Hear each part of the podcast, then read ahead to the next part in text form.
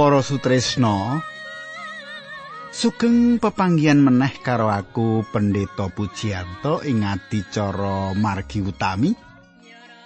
Pengajapku muga panjenengan tansah kinantenan ing Gusti lubering rahayu tinebihna ing samikala. Atur pasugatan adicara iki mirunggan kagem panjenengan gegilut sing remen sinau isining kitab suci. Adicara iki isine jangkep runtut tur prasaja manut urutane ayat lan pasal saka kitab ayat. Kala-kala ganti nyamrep panemune ngilmu kasunyatan sarta kahanan urip padinan panjenengan lan aku utamane ing analisa rohani. Ing perangan iki kita bakal ngegilut Injil Matius, Injil Matius, Injil pambukane perjanjian anyar. Wis mesti wae akeh banget gunane kanggo kita. Jalaran Injil iki ana gandeng rentengi karo sugeng lan peladosane Gusti Yesus Kristus. Nah, kadangku muga panjenengan binerkahan awit adicara iki.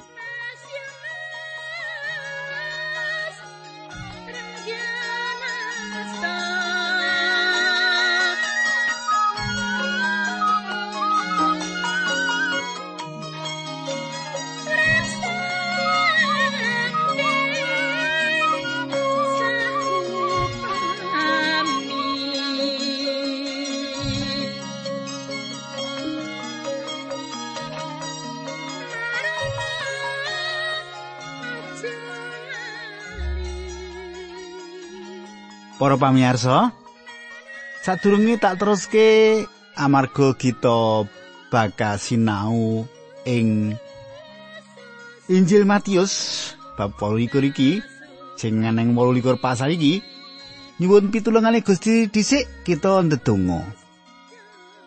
Kanyara swarga kawula ngaturaken kuing panuwun menawi ing wekdal menika kawula saged tetunggilan kalian sedherek-sedherek kawula ingkang remen anggegilut pangandikanipun Gusti. Kawula nyuwun tuntunan Gusti wonten ing perjanjian ingkang ingkang menika dinambaran asmanipun Gusti Yesus Kristus kawula ndedonga. Haleluya. Amin.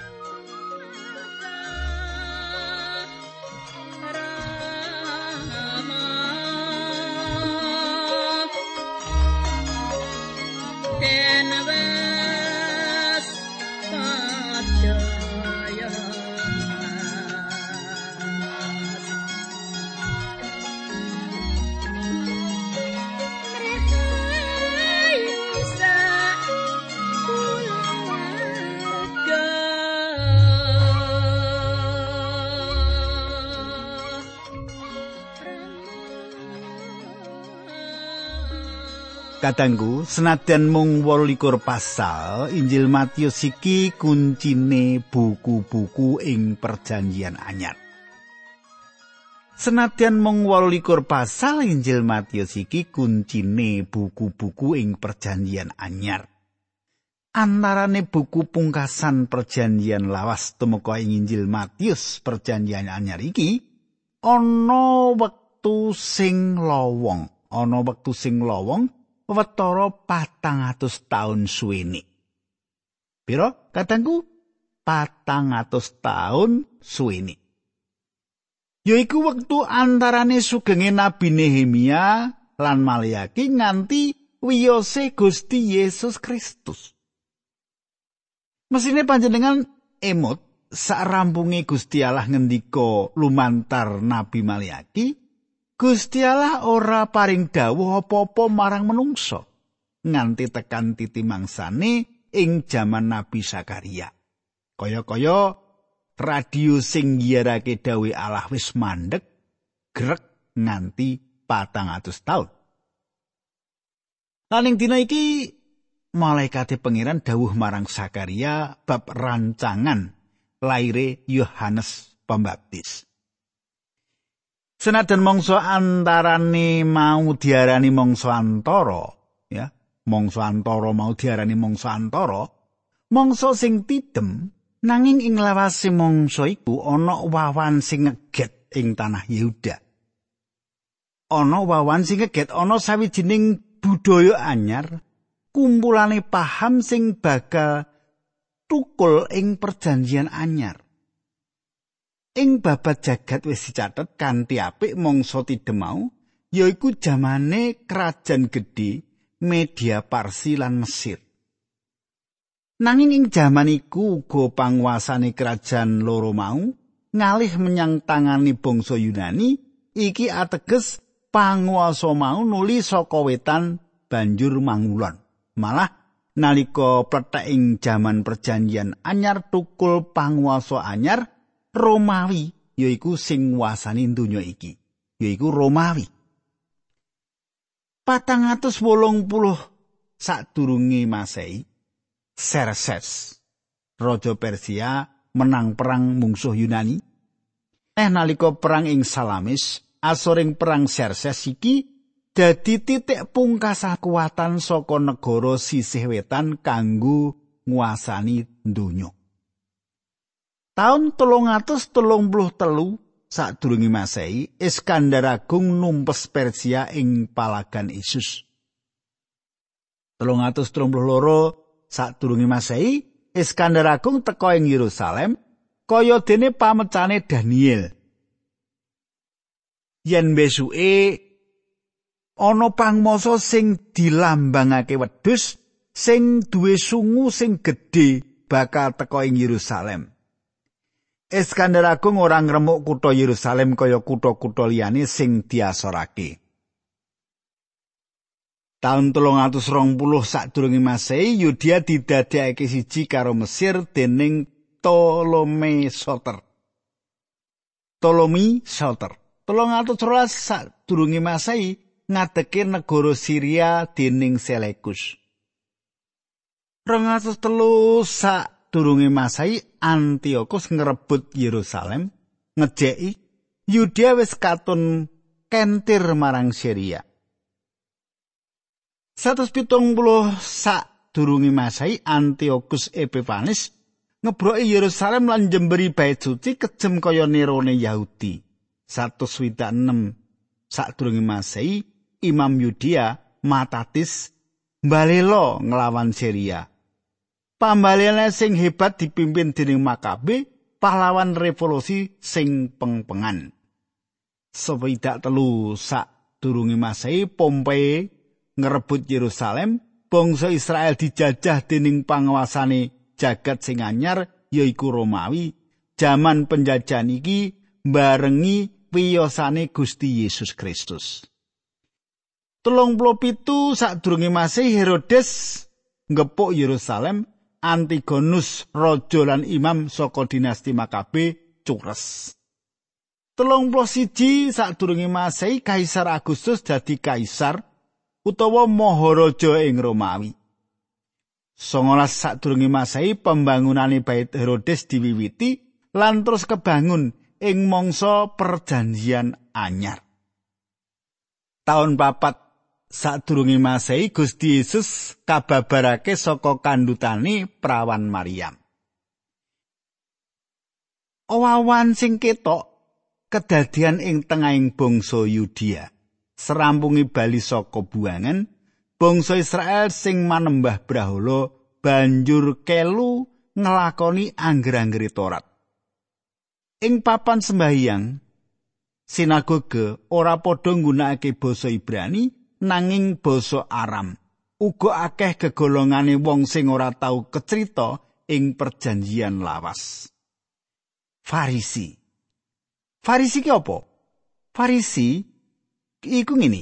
Golongan Farisi gedhe banget pengawi. Farisi mbela cara uripe bangsa Yahudi supaya tetep lestari kanthi landesan isine perjanjian lawas. Pahami nasionalis fundamental ekstremis sayap kanan. Ngono ya. Terus saiki saduki. Saduki kuwi wong-wong sugih sing ora seneng urip tradisional. Sing pasrawungane jembar padha ngegrup ing kalangane saduki. Apa wong-wong sugih sing biasane ora seneng diwatesi aturan werna-werna, rada liberal, malah bisa go liberal banget, uripe susilo seneng bantu karepotan liyan mung nganggo rentekane perangan alit donya brana wae beda karo paham Epikurean ing Yunani sing mung ngujo hawa nepsune wae kanthi pesta seneng-seneng sing nganti marem sebab sesuk bakal mati. Wong saduki bisa nyegah mangan lan ngombe ngudi urip becik yen wis etuk panguwasa sing gedhe lumrahe banjur anteng ora merlokake apa-apa maneh. Ahli Torat. Tukule ahli Torat iki wiwit jamane Nabi Isra. Kenceng lan wasis mila tetep lestarini angger-anggere Torat. Secara harfiah wong-wong iki setya tuhu malah kepara sing remeh-remeh nalika Herodes nimbali para ahli Torat takon bab anane lintang sumunar ing Israel ahli Torat padha ngerti yen ana priyagung sing lair ing Bethlehem. Kenapa ora banjur digoleki? Sebab ing sajroning Torat ora ngandhakake supaya digoleki. Ora nguntungake babar pisan yen sawise ngerti isine kitab suci ora banjur dilakoni. Senadyan isine kitab suci mau ora bisa merenani ati lan bakal nuntun marang kabahagianing urip. Ya kaya ngono kuwi uripe karanen para ahli Torat. kala-kala malah tegel nglabrak apa sing dianggep bener dening liyan nanging ora cocok mungguing kapercayane. Mongko sanyatane yen sabda saka kitab suci iku mahanani kautaman lan sabanjure digethok tularake marang liyan kanggo endahing urip bebrayan. Saiki kaum Herodian. Jadi aku ngaturake gulungan-gulungan sing nalika Gusti Yesus miyos. Kuwi apa wae ana kono, ngono ya. Nah, golongan Herodian iki lahir nalika zamane Sang Kristus. Golongan iki pancen wong-wong sing pinter golek kalodhangan politik ing tengahing masyarakat. Oportunis nek basa saiki ne. Golongan iki padha nggundeli amrih panguwasa Israel tetep ing tangane Herodes. Nuli wong Herodian entuk pikoleh saka pamerintah diijini. Ing mangsa antara iku ana lelakon kang wigati. Kedadian kang wigati yaiku buku perjanjian lawas sing dijarwakake ing basa Yunani ing taun 285 nganti 247 sadurunge Masehi. Para ahli basa mau saka rolas talere bangsa Israel. Asil panjarwa iki dijenengake Septuaginta sing tegese pitung puluh. Septuaginta iki digunakake dening Rasul Paulus mengkono uga Gusti kita Yesus Kristus.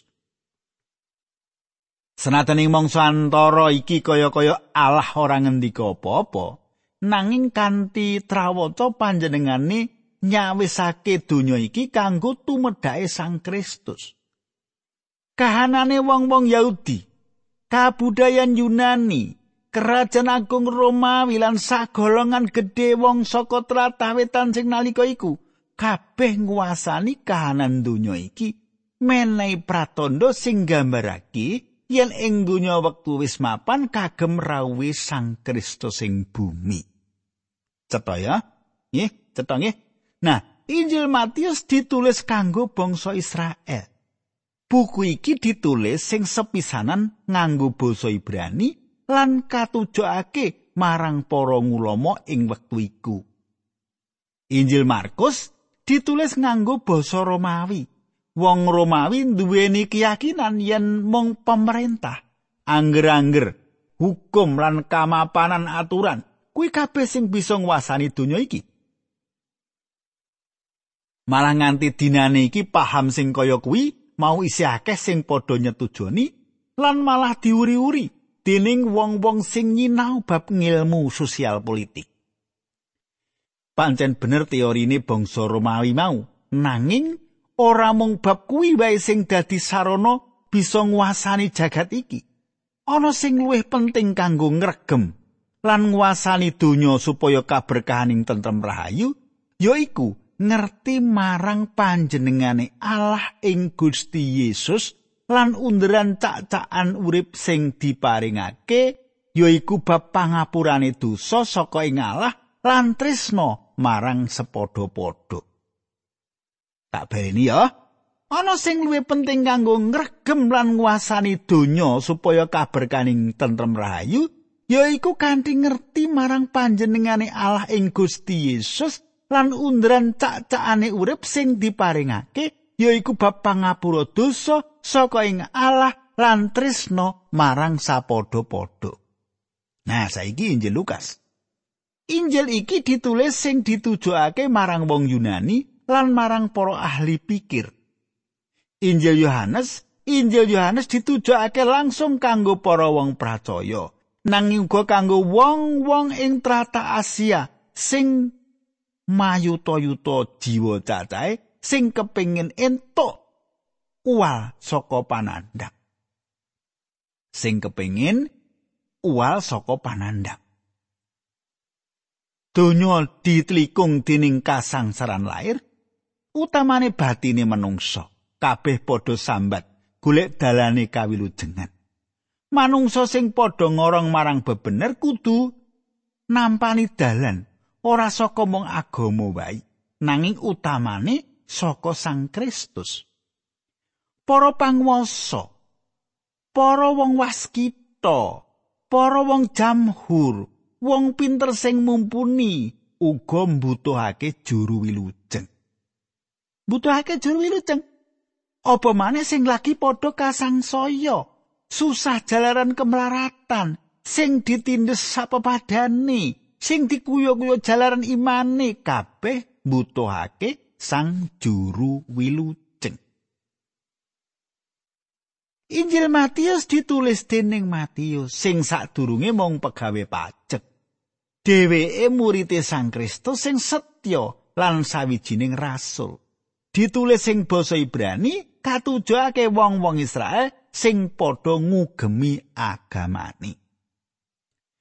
Pancen Gusti Yesus piyambak saka trae bangsa Israel utawa Yahudi.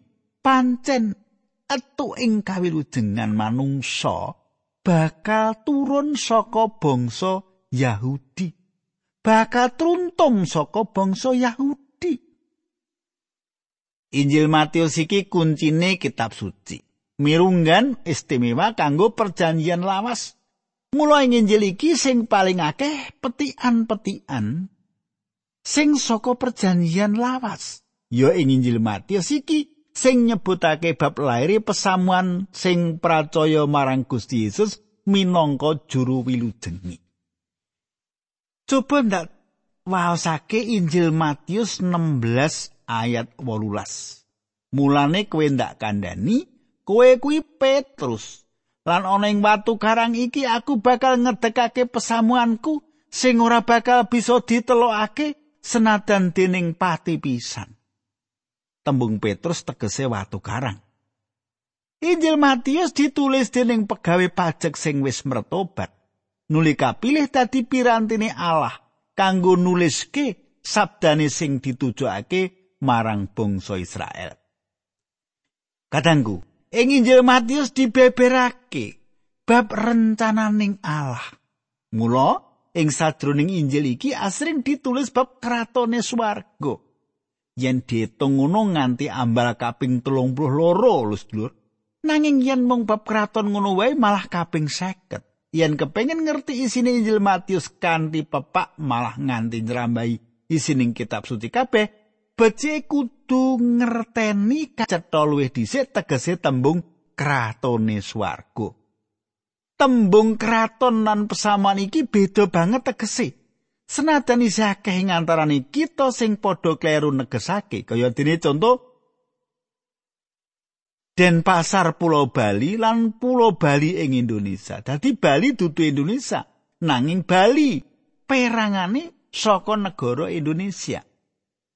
pesamuan ana ing tengahing pemerintahan Allah. Nanging yen kratone Allah iku nggambarake pemerintahan sing asipat kasuwargan sing ana ing bumi. Lan pesamuan ana ing wewengkone pemerintahan sing asipat kasuwargan iki. Gandeng akeh ukara sing nyebut bab kratone Allah iki Mula underaning isi Injil iki ya kratone swarga iki mau.